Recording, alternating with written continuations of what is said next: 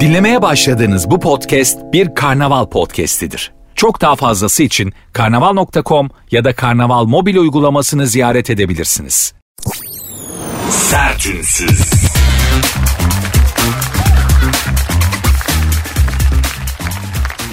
Herkese merhaba. Sertünsüz başladı ben Nuri Özgül.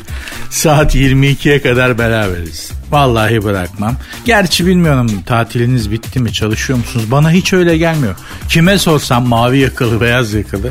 Ne zaman işbaşı yapıyorsun? Abi pazartesi falan diyorlar. Ya bu tatil birleştirilmedi. Nasıl oluyor biz perşembe? Bir de bizim işe rahat iş derler. Lan biz çalışıyoruz. Bizden başka da çalışan yok pek ha. Yani beyaz yakalı mavi yakalı dediğim gibi herkes bir şekilde bağlamış işi. Kime sorsam pazartesi işbaşı yapıyor diyor. Olsun. Yapın olsun yakışır. Zaten çok çalışıyoruz. Normalde de çok çalışıyoruz. Bu kadar çok çalışmak bize fazla. Ne yapacaksın abi? Zaten tatil yok kolay kolay. Değil mi? Gerçi dünyanın en çok tatil yapan 10 ülkesinden biriymişiz ama olsun. Olsun. Tatil iyidir hep özlediğimiz şeyin ne kadar boş olduğunu anlatmak babında önemlidir yani. Hani yan gelip yatayım abi sırt üstü yatayım aman hiçbir şey yapmayayım falan. Bir süre sonra kaşınmaya başlıyorsun yani. Rahat edemiyorsun nerede olursan ol. O yüzden ben böyle işte Bali adasına yerleşti, Miami'ye yerleşti, oraya yerleşti, buraya yerleşti haberlerine çok şaşırıyorum. Kafayı da götürdükten sonra herhangi bir yere yerleşmenin bir anlamı yok yani. Kafa eski, mekan yeni, eh, hiçbir şey değişmiyor. Halbuki yeni kafa eski mekan Bak güzel. O zaman mekan da yeni gibi geliyor. Kafayı değiştirmek lazım. Mekanı değil. Biz hep mekanı değiştirince her şeyin güzel olacağını düşünüyoruz. Büyük hata ediyoruz. Al işte bak Bali adasına yerleşiyor. Miami'ye yerleşiyor. Bir süre sonra kaşıntısı tutuyor. Gene dönüyor İstanbul'un hayhuyuna. Nişantaşı'nda falan geliyor. Şey Masubaşı işte Etiler'deymiş kızcağız. Dünyaya, dünyaya fink attı ya kız dünyada. Ama buyur sonuç Etiler. Neden? Ee, kesmez. Çünkü kafa eski. Dediğim gibi eski kafayla yeni istiyorsan Halley kuyruk yıldızına bin kainatta tur at. Fark etmez. Kafayı götürdükten sonra nereye gittiğinin bir önemi yok hanımlar beyler. Saat 22'ye kadar benimlesiniz. Vallahi şu saatte beni de dinleyen kaç kişi var. Bayram tatili şudur budur. Yapacak belki başka şeyleriniz de vardır. Beni dinleyen kim varsa saat 22'ye kadar size şunun sözünü veriyorum şu anda olduğundan daha iyi hissedeceksiniz kendinizi. Akünün suyunu ben boşaltacağım. Günün, günlerin ve gündemin bünyenizde biriktirdiği negatifi bir miktarda olsa alıp pozitif vermeye çalışacağım. Siz kendinizi bana bırakın, kasmayın, sıkmayın yeter. Zannediyorum zaten bayramda pişen dolmalar, börekler, baklavalarla stresten çok bir miktar karbonhidrat ve hayvansal yağ falan, kolesterol bünyede dolaşıyor şu an. Onun verdiği bir ağırlık vardır. Tamam bir de kendini bana bırakırsan ben operasyonu saat 22'ye kadar tamamlarım hanımlar beyler. Programın adı Sertünsüz. Ben Nuri Özgül. Programın Instagram ve Twitter adresleri de şunlar. Vereyim ki belki katılımcı olmak istersiniz. Sert unsuz yazıp sonuna iki alt tire koyuyorsunuz. Benim Instagram adresim de Nuri Ozgul 2021. Sertünsüz.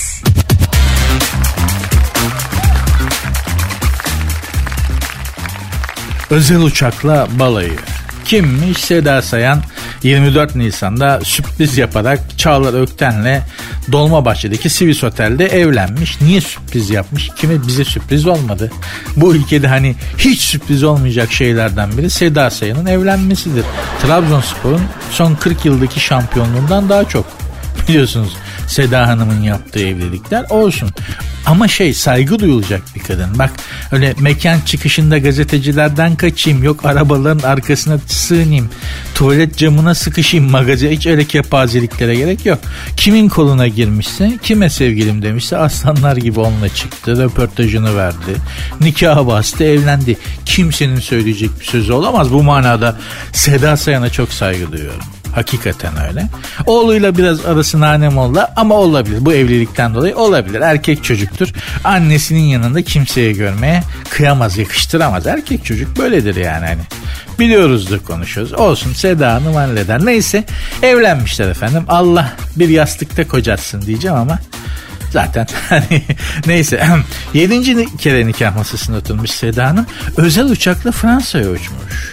Kendilerine işte yakın dostları ıvır kıvırtmakla eşlik etmiş. Orası bizi ilgilendirmiyor. Seda Hanım Paris'te e, Athene Otel'de geceli 50 bin lira olan suite odada kalıyormuş ki işte bu Seda Hanım'ın yani Seda Hanım yakıştıramadım ya. Yani şimdi geceli 50 bin lira. Ya o 50 bin lirayı oteli şöyle bir 3 yıldızlı yapsak Seda Hanım ben size otel adı da verirdim Paris'te beni arayıp sorsaydınız. Ekonomik şekerim yani Paris'e gezmeye gittiysen otele bu kadar para verilmez. Temiz yatak, temiz tuvalet gezmeye giden insanın konakladığı yerde ihtiyacı olan şey budur. Kahvaltıyı bile otelde yapmazsın. Çünkü sana kontinental kahvaltı diye iteledikleri şeyi sokakta kediye ver yemezler. Yani o, böyledir yani bu otellerde bu işler. 50 bin dolar gerçi güzel kahvaltı veriyorlardır artık ama hiç gerek yok. Şimdi 3 yıldızlı mesela nerede? Paris'te Bastille'de Bastil sessiz sakin de yerdir. Hem eğlence merkezidir hem de çok sessiz sakin bir yerdir. Otel olarak çok güzel bildiğim oteller var. Oradan bir 3 yıldızlı otel bağlayacaktık ablacığım. Ben size Paris'te çok güzel restoranlar da tavsiye ederdim. Hiç bu kadar masrafa gerek yok ya. 50 bin dolar verilir mi otelin geceliğine ya? Gezmeye gitmişsin. Değil mi? Otelde mi kalacak? Ben bunu anlamıyorum. Mesela adam Paris'e gidiyor tatile öğlen 1'e kadar uyuyor. Oğlum Paris'e niye gidiyorsun o zaman? Hani ne işin var o zaman? Git evinde kal uyu öğlen 1'e kadar. Gezmeye giden adam sabah 7'de ayakta olacak. Hadi 9 diyelim. Kahvaltını yapacaksın. Ondan sonra Paris'e atacaksın kendini. Şimdi Seda Hanım'ın balayında sıkıntı var o yüzden. 50 bin yani geceliği 50 bin lira otele para versem otelden çıkmam zaten. hani sırt üstü yatarım bakın lan bana derim. Getirin yağdırın yemeği şunu bunu sıfır 50 bin lira veriyorsun be abicim. Ve yaptığın tek şey de ne biliyorsun? Otele gidip yatmak. Bunun için 50 bin lira verilmez şekerim. Seda Hanım bir dahakine beni arayın. Çok güzel destina, e, çok güzel noktalarda Paris'in çok güzel noktalarında bildiğim oteller var. 3 yıldızlı. Geceliği var ya kaç lira 200 euro falan ya 200 euro yani. Hani 50 bin liranın yanında nedir şekerim? 200 euro be. Ama 150 euroya bağlarsın. Pazarlık da yapılıyor. Şimdi burada Aten otelde pazarlık da yapamazsın.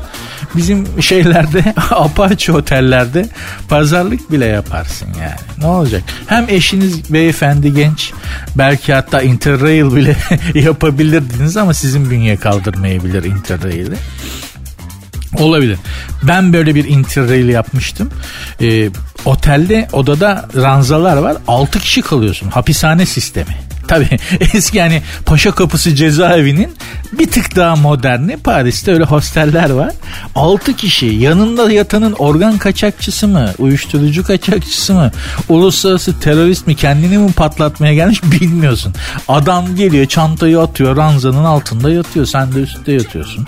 Böyle enteresan gençlikte yapılacak şey. Şimdi balayına gitmiş insana da git 6 kişilik ranzalı odada kal denmez ayrı. O kadar da ekonomi ekonomik olmaya gerek yok ama bu 50 bin liralık geceliği 50 bin lira yani multimilyarder de olsan milyar dolar servetin de olsa 200 milyar dolar Elon Musk da olsan Bill Gates de olsan geceliği 50 bin lira ben otele vermem. Yani çok pahalı herkes için pahalıdır. Yani çok zengin için de pahalı fakir için de pahalı. Bu öyle ben otele verdiğim parayı acırım arkadaşlar.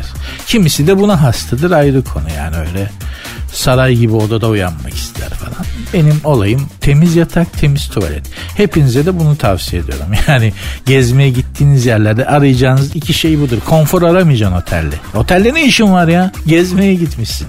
Temiz yatak temiz mi, oda temiz mi, tuvalet temiz mi? Yürü git. Ondan sonrası hiç önemli değil. Gerçi balayına çıkmış çifte de bu önerilmez ama olsun. Yine de aklınızın bir kenarında olsun. Sertünsüz.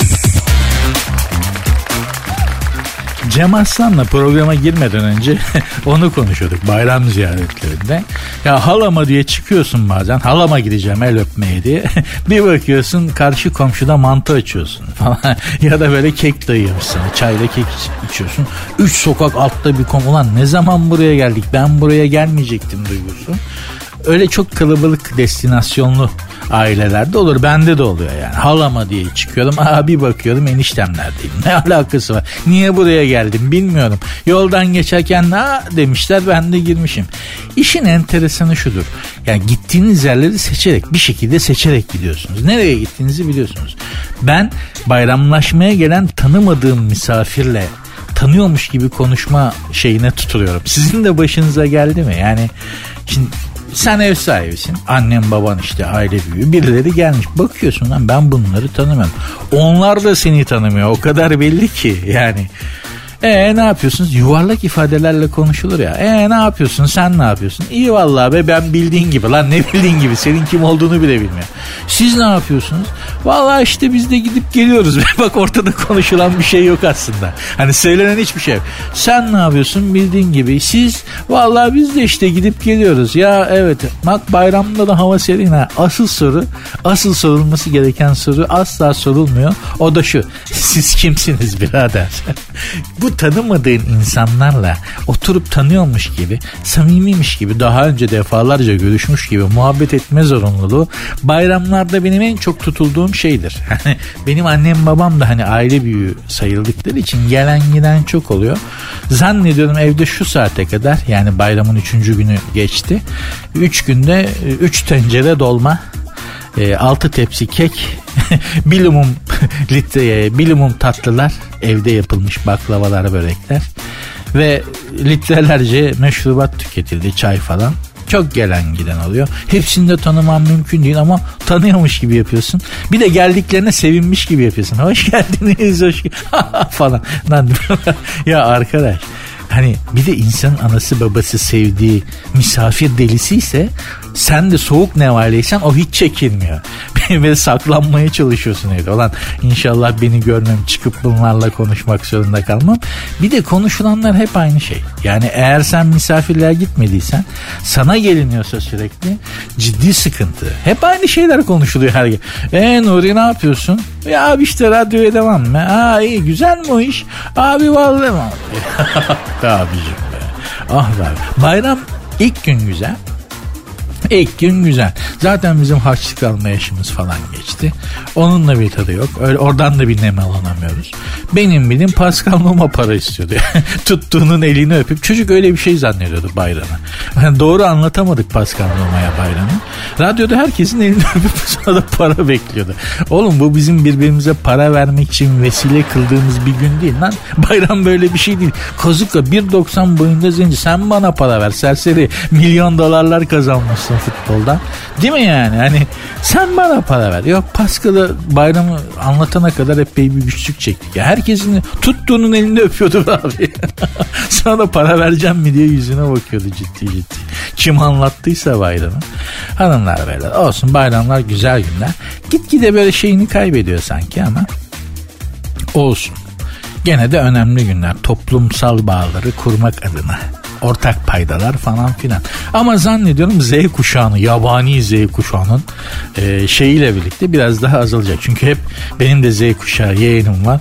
Kim bunlar ya? Niye geliyorlar sürekli ya? Ya abica niye geliyorlar bunlar ya? Bunlar kim ya? Niye onları öpmek zorundayım? Kızım çık konuş işte hoş geldiniz. Ya niye ya falan diye. Z kuşağı yani hani bir göktaşı kadar yabancılar anlatabiliyor muyum? Bizim yetiştirdiğimiz insanlar olmadan rağmen bize hiç benzemiyorlar. Çok başka adetleri kendilerine göre. Yani ben bundan 30 sene sonra bayramlaşmanın nasıl olacağını çok merak ediyorum.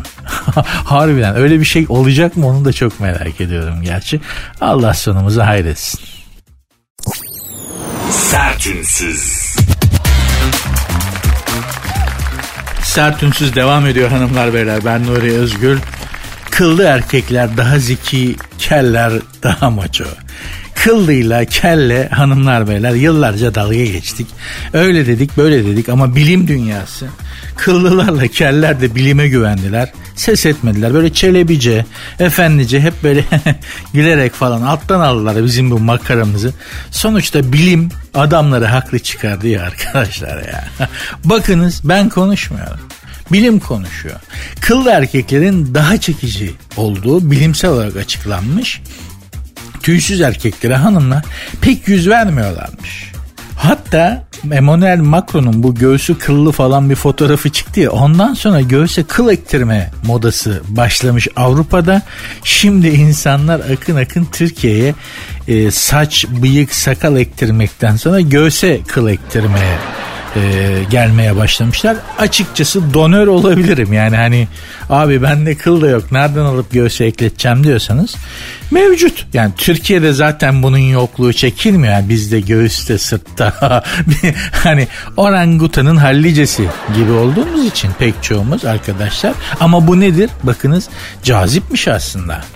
Dünyanın en büyük ve en üstün zekalılar topluluğu Mensa'nın araştırmasına göre IQ seviyesi en az 140 olan erkeklerin göğsü ve sırtı kıllı oluyormuş. Buyurun benim şu anda o zaman atomu parçalıyor olmam, e, Mars'a gidecek roketin planlarını yapıyor olmam falan gerekirdi. Ya da Beethoven gibi 9. senfoni gibi bir şey bestelemiş olmam. Ne bileyim yani hani iki şehrin hikayesi, sefiller, falan savaş ve barış böyle bir roman yazmış olmam gerekiyordu. Eğer zeka kılla ölçülüyorsa yani sırttaki ve göğüsteki kılla ölçülüyorsa benim şu anda o Oscar, Nobel dünyada hiçbir ödül bırakmamış olmam gerekiyordu ama işte bilim söylüyor ben ne yapayım yani doktorluk gibi e, yüksek eğitim gerektiren meslekler seçen erkeklerde sırt kılı daha fazlaymış. Yani eğitim arttıkça sırttaki kıl artıyor. Ama eğitim arttıkça e, şey düşüyor. Empati, şey EQ, duygusal zeka düşüyor. Yani insanlığından kaybediyorsun eğitim arttıkça aslında biraz da. Duyarsızlaşıyorsun daha doğrusu olana bitene karşı. Onu da şey yapmak lazım. Yani her eğitim de insanı insan yapmıyor maalesef. Onu da bir ortaya koyalım. Yani her eğitim, her öğretim, her üniversite işte her tahsil insanı insan yapmıyor. Bazıları insanlığından kaybettiriyor. Empati duygunu kaybediyorsun yani. Televizyonlarda görüyoruz işte koskoca profesörler öyle saçma sapan öyle empatiden yoksun şeyler söylüyorlar ki lan bu adam diyorsun bilim adamı ya. Profesör yıllarca okumuş. Bunun böyle konuşmaması lazım. Eh, okuduğu için öyle işte. Hani akünün suyu da onlarda başka bir yerden başka bir şekilde boşalıyor maalesef. Neyse geçelim. Yılın en etkileyici erkeklerini seçen People dergisi istatistiklerine göre sakallı erkekler sakalsızlara göre %62 daha çekici bulunuyormuş. Ee, sinek kaydı erkeklerde %20'ymiş bu oran. Sakallı erkeklerin de %47'si yasak aşk yaşıyormuş. Eğer efendim sakalınız varsa beylere sesleniyorum sakallı bir adamsınız. Araştırın People dergisinin araştırmasına göre sakalsız teneke surat erkeklere göre, sinek kaydı tıraş olan erkeklere göre yasak aşk yaşama ihtimaliniz yüzde yüzden de daha fazla. Yüzde yüz yedi falan yani. Cağ çekici bulunuyormuş sakallı erkekler kadınlar tarafından. Şimdi ne oldu? Göğüs kılı, sırt kılı, suratta sakal bunlar cazibeyi arttırıyormuş daha da bitmedi. Sicilyalı bilim insanları da buna bir katkıda bulunmuşlar. Kadınlar e, göğsü kıllı ve köse erkekleri oylatmışlar kadınlara. Kadının özellikle e, doğurganlıklarının yüksek olduğu dönemde kel ve köse erkekleri daha çekici buldukları söyleniyormuş. Bunun tersi olarak ama normal zamanda da kıllı erkekleri tercih ediyorlarmış. Yani hormonlar zirve yaptığı zaman kel olsun köse olsun e, normal olduğu zamanla çok özür dilerim. İşte göğsü kıllı olsun, sırtında kıl olsun. Ayak parmakları ve ayakları kıllı erkekler cazibeden kaybediyor ama bu tüylerde sağlıklı olduğunu işaret ediyormuş ve kadınlara da şey geliyormuş. E, yakın, çekici geliyormuş. Aman diyormuş, bu diyormuş, adam diyormuş ayak parmakları kıllı olduğuna göre sağlıklıdır. Bundan demiş sağlıklı nesiller gelebilir. Bundan ben çocuk yapayım diyormuş bilinçaltı. Hanımlar sizin de vallahi ne ne istediğiniz belli değil yani. Şimdi şuraya bakıyorum sırt kılı, göğüs kılı, suratta sakal, ayak parmaklarında, el parmaklarında kıl. Şekerim bu orangotan tarifi yani siz orangotan seviyoruz dememişsiniz de işte e, sırtı kıllı olsun, şusu IQ'su yüksek oluyor, IQ'su yüksek oluyor. Şu konuda artık bir konsensüs sağlayalım. Lütfen. Yani bunları istiyor musunuz istemiyor musunuz? Ona göre gideceğiz operasyona gireceğiz. Hani medeni olarak yani. Hani bunu hiç önemsemeyen erkekler de var. Normal yani. Sırtta insanın sırtında niye kıl çıkar ya? Değil mi ya? Bir insanın sırtında ta beyine kadar niye kıl çıkar arkadaş? Rabbim triko dedikleri değil mi? Yani ama çıkıyor Diyorlar ki işte ilkel çağlardan şunlardan buna. İlkel çağlardan gelse, ilk atavizmden gelse bütün erkekler kıllı olur. E kimisi yumurta gibi o nasıl oluyor? Onun atası kimdi? Niye onun atası kıllı değildi? Benimki kıllıydı. Ne var yani? Niye hepimiz kıllı değiliz ya da niye hepimiz kılsızız? Şu kıl işine, erkeklerdeki kıl işine bir çare bulun. Çünkü takdir edersiniz ki bizim epilasyonumuz sizinkinden daha ağır. yani hani biz epilasyona gitsek bize makine falan ağda dayanmaz yani. Hani bize zift döküp falan anca bizi. O yüzden bu ciddi çok ciddi yani. Yani insanlık tarihinde bir dönüm noktası olacak bir şey. Şahsen hanımlar artık bu konuda bir konsensüs sağlayın. Kıllı adam mı, kılsız adam mı, sırtta mı kıl, nerede ne istiyorsanız şunu deklare edin de ona göre bir şekle girelim gözünüzü seveyim. Yani yıllarca bu kıllardan kurtulmaya çalıştık. Şimdi al ortaya çıktı daha çekici buluyormuşsunuz. Lütfen ya oynamayın bizim düğmelerimizle bu kadar. Rica ediyoruz. Hanımlar beyler programın Instagram ve Twitter adreslerini hatırlatayım sert unsuz yazıp sonuna iki alt tere koyuyorsunuz. Benim Instagram adresim de Nuri Ozgul 2021. Sertünsüz. Buyurun hanımlar kıllı erkeklerin evrimsel olarak daha cazip olduğu haberi gibi bir haber daha var elimde. Kayınvalide gelin gerilimi de evrimselmiş. Evrimci bilim adamları buna da el atmışlar. Demişler ki kayınvalide gelin gerilimi de evrimsel demişler. Nasıl oluyormuş? Aslında erkeklerin de kayınvalideleriyle ilişkileri daha zayıfmış. Halbuki kaynanalar damatlarını severler diye biliyordum ben. Öyle değilmiş. Bilim adamlarına göre öyle değilmiş. Annesiyle ilişkisinde sorun yaşayanların oranı %39 iken kayınvalidesiyle sorun yaşayan kadın ve erkeklerin oranı %44 çıkmış. Gelinleriyle sıkıntı yaşayan kaynanaların oranı %18, damatlarıyla sorun yaşayanların oranı ise %17. Anlaşmazlıklar en çok geçim ve çocuk bakımı konusunda. Yapmış ki sana ne? sana ne? Yani bütün gelinler bir süre sonra kaynanaya doğru yani evrim diye bir şey varsa gerçekten bütün gelinler e, erkek çocuk sahibi olduktan ve onları evlendirdikten sonra kaynanaya evriliyorlar. Kendileri de birer kaynana kesiliyorlar. Melek gibi olsa bile zaten gelini sevmiyor. Sırf adı kaynana olsun diye. Bu çok enteresan bir durumdur. Yani kaynanadan bu kadar çok çekip de ondan sonra kendisi ejderha gibi Game of Thrones ejderhası gibi kaynanaya dönüşen kadınları hiçbir zaman anlayamadım. Hiçbir zaman anlayamadım.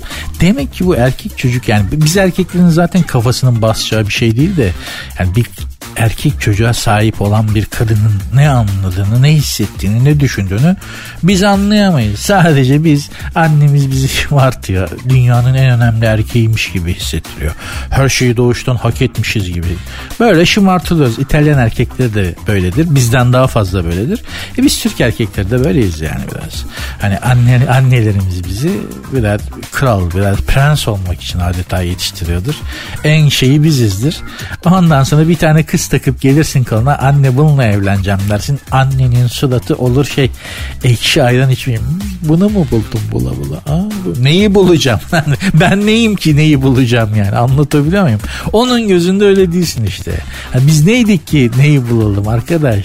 Hani Monaco prensesini mi takıp getireceğim koluma? Hayret bir şey. Gerçi en güzel kadını bulup getirsen annen gene bir problem Annen gene onda bir sıkıntı bulur. Oğlum sen bununla yapamazsın. Niye anne? Ya bununla ben ben anlarım. Sen bununla yapamazsın. Bildiği bir şey de yoktur. İşin kötüsü haklı da çıkar. yani annelik de böyle bir şey. Hanımlar beyler kısaca kaynana gelin gerilimi evrimsel bir şeymiş.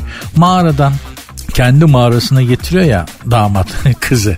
O dam mağaradaki anne erkek e, adamın avcının anası mağaraya bir boğaz geldi diye dışarıdan bunu hiç sevmiyormuş. Zamanla bu duygu içimizde kalmış. Aradan binlerce yıl, milyonlarca yıl artık kaç bin yıl geçtiyse yok olmamış. Mağaraya yeni bir boğaz gelince doyması gereken yeni bir boğaz gelince ateşin başında bir yer açmak, yemeğin daha çok bölünmesi falan bunlar mağaradaki kadını, dominant kadını bozduğu için gelinden nefret ediyorlarmış. Al bilim, evrimci bilim adamları böyle diyorlar. Onlar öyle diyorlarsa bir bildikleri vardır. Benim onların sözünün üstüne bir şey söylemem söz konusu değil ama bilim dünyası da bir kendisine çeki düzen verse iyi olur yani. Mağaradayken şöyleydik. Lan binlerce yıl kaybolmaz mı bu duygu ya? Ha? Ya binlerce yıl tamam ama mağara mı kaldı be kardeşim? Artık gelinler kaynananın yanında zaten oturmak istemiyorlar. Geçen gün terelelli alt çizgi tr diye bir Instagram adresi var. Orada e, kız tarafının damat tarafından istediği takıların listesi vardı. Biz bir A4 sayfası kadar işte kolyeler, yüzükler, ona şunlar bunu ya o gelinden ben de nefret ederim. Öyle söyleyeyim yani. Hani o listeyi veren gelinden herkes nefret eder. Yani hani hani Yok be kardeşim. Adama sorarlar sen nesin? Bunun karşılığında sen ne koyuyorsun ortaya desen vereceği cevap yani belli. Ulan o herkes de var. Zaten hani ne koyuyorsun ekstra? Bu kadar altın, gümüş, işte tabak, çanak, şu bu bir dünya para malzeme şu bu bunları istiyorsun erkekten evlenmek için. Peki sen ne koyuyorsun ortaya? Bu sorunun cevabı maalesef belli. Hepimiz bütün erkeklerde gerçi bunun peşinde ya neyse. O tartışmaya kapalı bir konu. Kısaca hanımlar beyler bilim dünyası diyor ki gelin kaynana gerilimi asla bitmez. İkisi de melaike gibi olsa bile. Sertünsüz.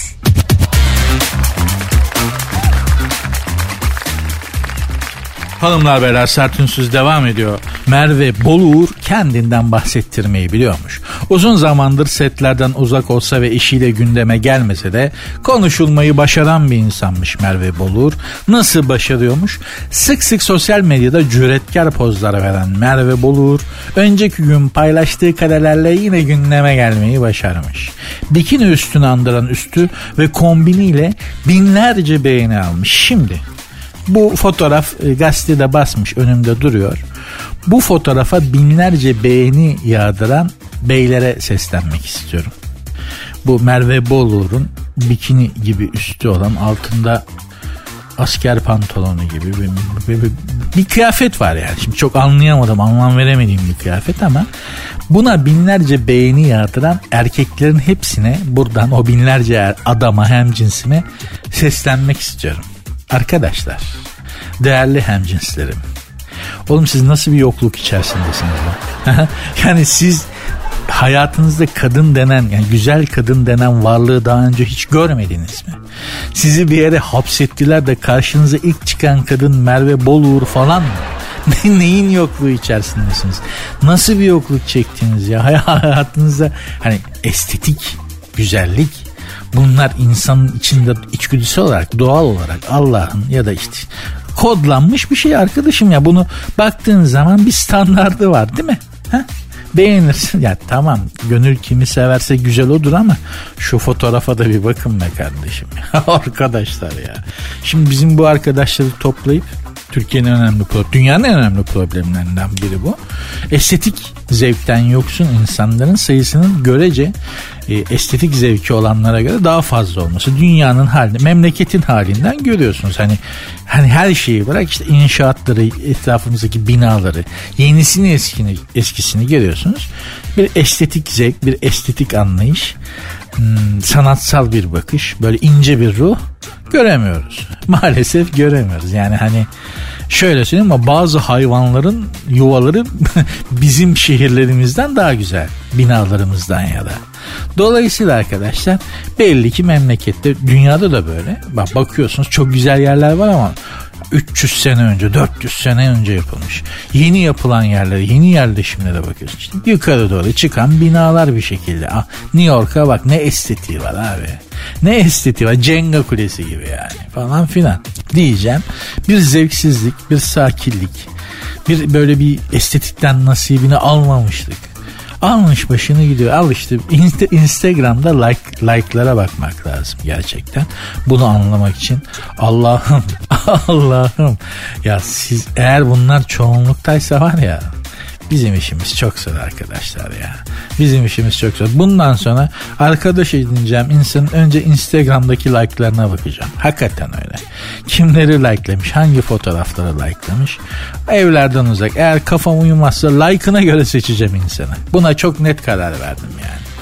Bu nedir ya? Şu fotoğraf binlerce like alıyorsa bu fotoğrafın binlerce like aldığı bir dünyaya ben Çocuk getirmemekle çok iyi bir şey yapmışım yani. Hakikaten öyle. Çok yazık. Çok yazık. Kendimizi bir gözden geçirelim hep beraber. Ben de dahil yani. Kendimizi bir gözden geçirelim. Bunda büyük fayda var. Sertünsüz.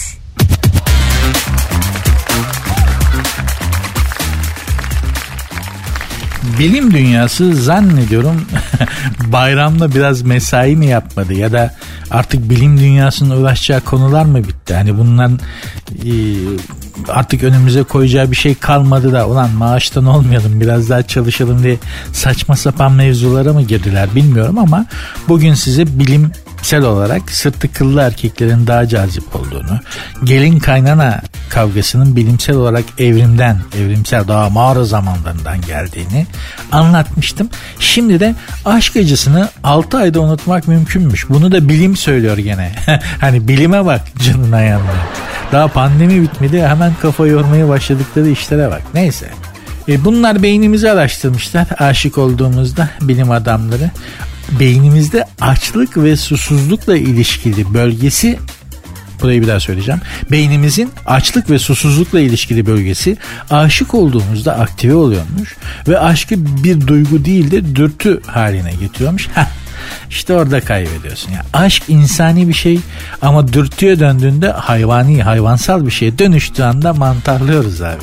Aşkı insanlık seviyesinde yaşarsan ne işte kendisini terk eden kadını vurur adam ne kadın kıskan, manyakça kıskançlık krizlerine girer. Güzel güzel aşkını yaşarsın, mutlu mesut olursun ama beynin bakınız hangi bölgesi açlık ve susuzlukla ilgili bölgesi aktive oluyormuş. Bu ne demek? Aslında aşk birine aşık olmak sevmekten çok sevilmek ihtiyacını gidermektir. O yüzden pek çoğumuz sevilmek ihtiyacını aşk zannediyoruz. Aşık olduk zannediyoruz. Sen ona aşık olmadın. Onun seni sevmesini sevdin.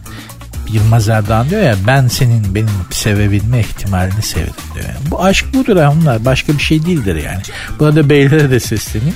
Aşk bahsinde erkeklerin açlık ve susuzlukla ilgili beyindeki bölgesi daha fazla aktif oluyormuş kadınlara göre.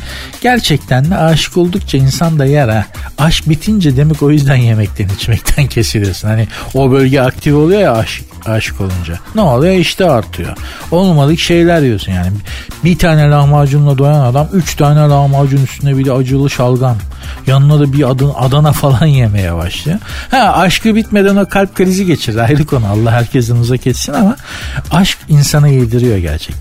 Aşk bitince yemekten içmekten kesilmemizin sebebi demek o. Sen aşkım gitti üzüldüm falan o yüzden yemek yemiyorum zannediyorsun ama o açlık susuzlukla ilgili bölge kapanınca devreyi indiriyor demek ki aşk gidince. Ne açlık hissediyorsun ne susuzluk. İyi be. Gerçekten. Ee, peki çeşitli yöntemler çeşitli yöntemler varmış efendim aşk acısını unutmak için. Öncelikle unutmak istediğiniz kişi hakkında olumsuz şeyler düşünmek bunlardan biriymiş ama e, bunun bir dezavantajı da varmış.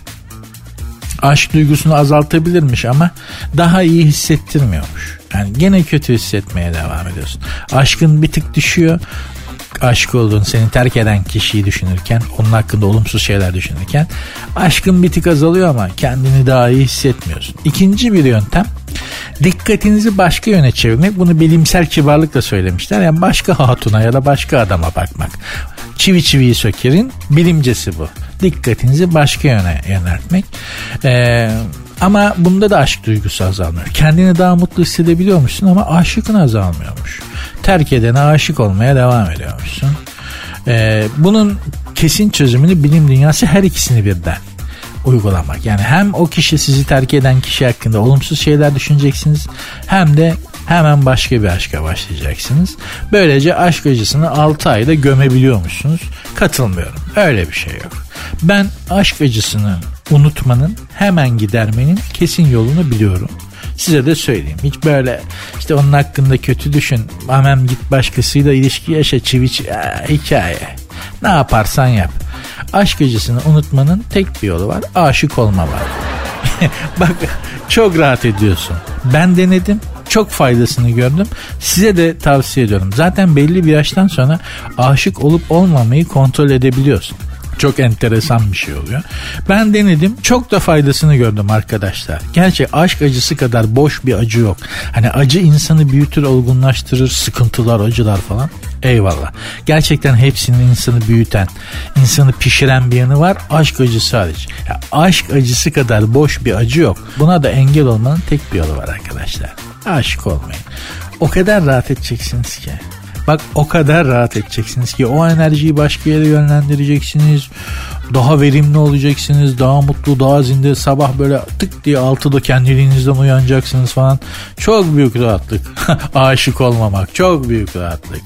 Hele aşkı, eski aşkı, giden aşkı, ayrıldığınız aşkı içinizde öldürdüğünüzde hani böyle insan kendini çok başarılı böyle şey hissediyorsunuz böyle Yunan tanrısı, Yunan savaşçısı gibi. Çok önemli bir rakibi bir şeyi yenmiş, aşmış gibi hissediyorsunuz. O güzel bir şey. Aşkı öldürebilirsiniz. Çok güzel bir şey. Hepinize tavsiye ederim yani. Ama başaramayacaksınız hiç o topa girmeyin. Aşık olmayın. Çok rahat edersiniz. Beni dinleyin. Valla gençler hiç özenmeyin. Başka işlere bakın kardeşim. Valla gençsiniz aşk aşk ama hep patinaj. Hep patinaj be kardeşim. İşe güce verin kendiniz biraz daha. Kariyere verin. Valla aşk ne zaman isterseniz olur zaten ya. Boş işlerle uğraşmayın. Hadi bakayım. Sertünsüz. Buyurun aşk mevzusuna girdik. Hemen bir dinleyici sorusu geldi. Peki bakalım. Aşk mevzularında soru cevaplamayı sevmediğimi biliyorsunuz ama gönderiyorsunuz. Madem ki gönderdiniz ben de cevaplayayım. Kemal göndermiş. Utanmadan adını da yazmış kerata. Allah'tan sadece Kemal. Ee, Instagram adresini vermeyeceğim tabii ki. Kız arkadaşımı aldattım. Allah seni bildiği. Neyse kız arkadaşımı aldattım. Vicdanım çok rahatsız olduğu için de onu anlatmaya karar verdim. Vicdan değil o.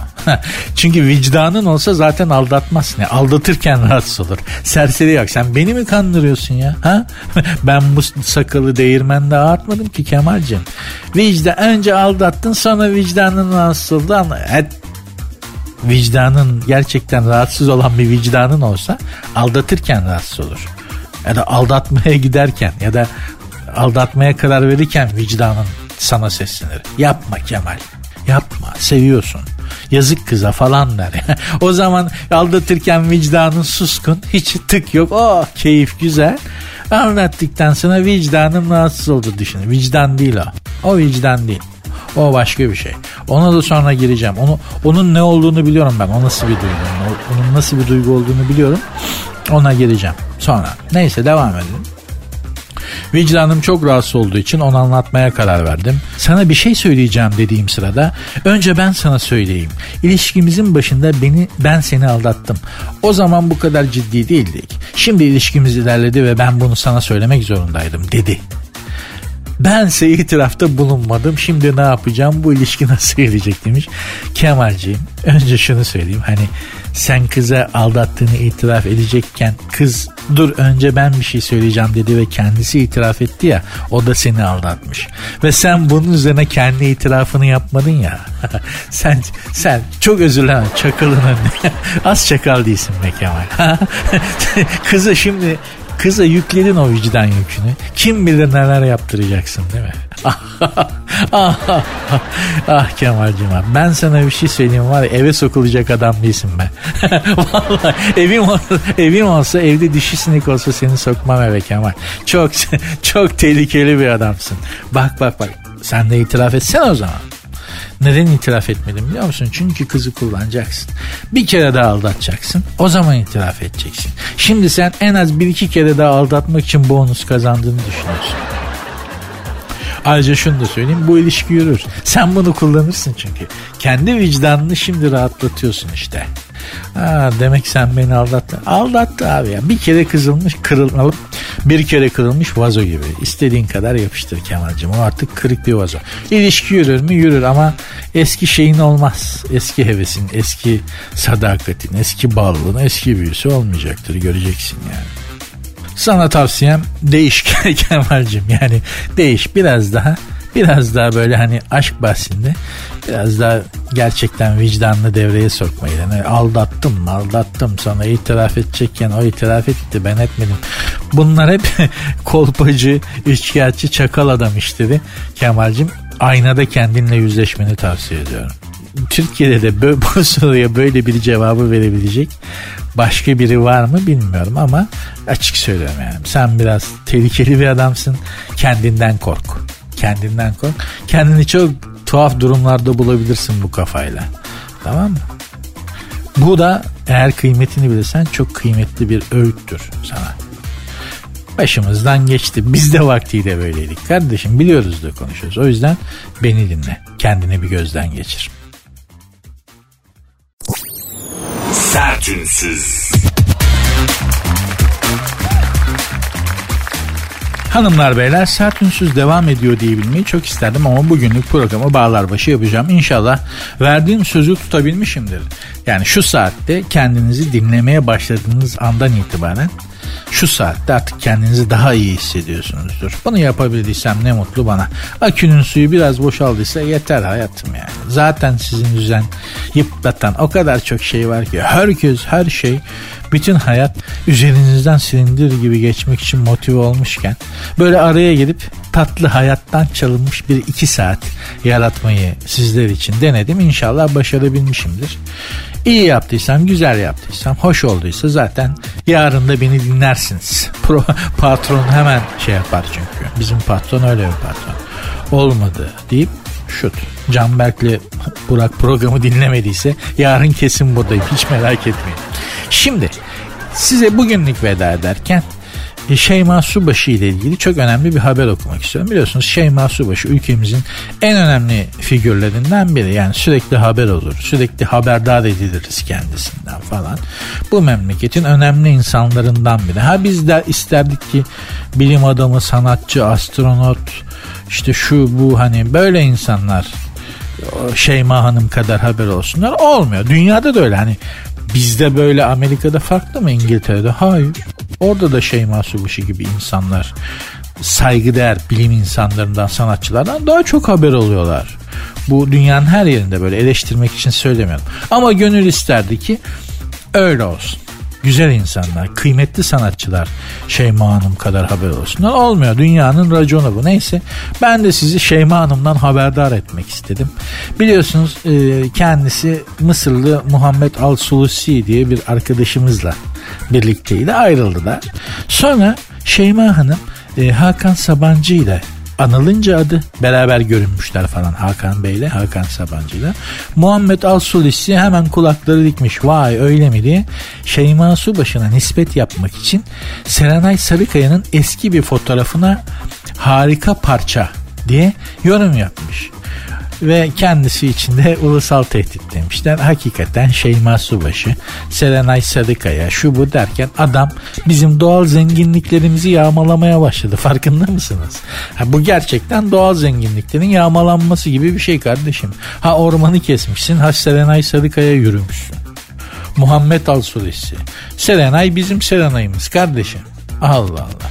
Serenay'la biri aşk yaşayacaksa, biri flört edecekse içimizden kalibresi buna yeten bir adamdır işte.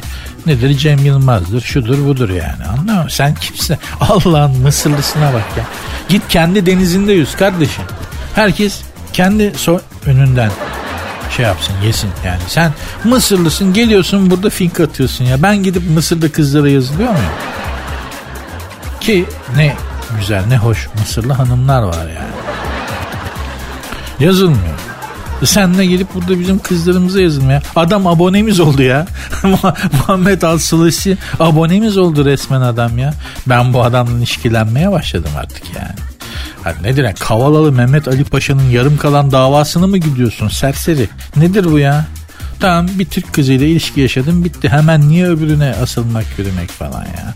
Artık şuna da yasal bir sınırlama bir şey getirilsin değil mi? Yani bir yabancı erkek bir en fazla bir Türk kızıyla flört edebilir gibi yasal bir sınırlama getirilmesinden yanayım ben artık yani. İş buraya doğru gidiyor ya. Nedir bu ya? Nedir bu arkadaşlar? Bir yere kadar yani. Biz ne yapacağız? Bizi beğenen de yok dünyada. Ah Türk erkekleri diye yanıp yıkılan bir kavim, bir kadın kavmi görmedim ben. O kadar gezdim dolaştım. Görmedim. E biz ne yapacağız? Lütfen. Lütfen devlet bu konuya el atsın hanımlar beyler. Benim önerim budur. Ha, bu da yani Muhammed Alsulası işte o bu falan görün dünyanın kaç bucak olduğunu. Yani her zaman söyledim. Dünyanın pek çok yerine gittim. Pek çok hanımefendiyle sohbet ettim, tanıştım falan filan. Türk kadını gibisi yok. Tartışmam. Bunu tartışmam bile. Bak Türk kadını gibisi yoktur. Bunu tartışmam. Yani tilkinin dönüp dalışıp geleceği yer kürkçü dükkanıdır diye bir laf var ya. Yerden göğe kadar doğru. Yerden göğe kadar haklı yani. O yüzden siz de alın bakalım boyunuzun ölçüsünü. Muhammed As-Sulusi'ymiş. Tövbe estağfurullah. Hanımlar beyler programın adı Sert Ünsüz. Ben Nuri Özgür. Eğer programı beğendiyseniz arkadaşlarınıza, eşinize, dostunuza bildirin. Beğenmediyseniz de bir şey demeyin. Susun oturun kardeşim Allah Allah. Hayır bir şey. Hemen de olumsuz reklam yapmaya gerek yok. Instagram ve Twitter adresi aynı. Sert unsuz yazıp sonuna iki alt tire koyuyorsunuz. Benim Instagram adresim de Nuri Ozgul 2021. Görüşmek üzere. Dinlemiş olduğunuz bu podcast bir karnaval podcastidir. Çok daha fazlası için karnaval.com ya da karnaval mobil uygulamasını ziyaret edebilirsiniz.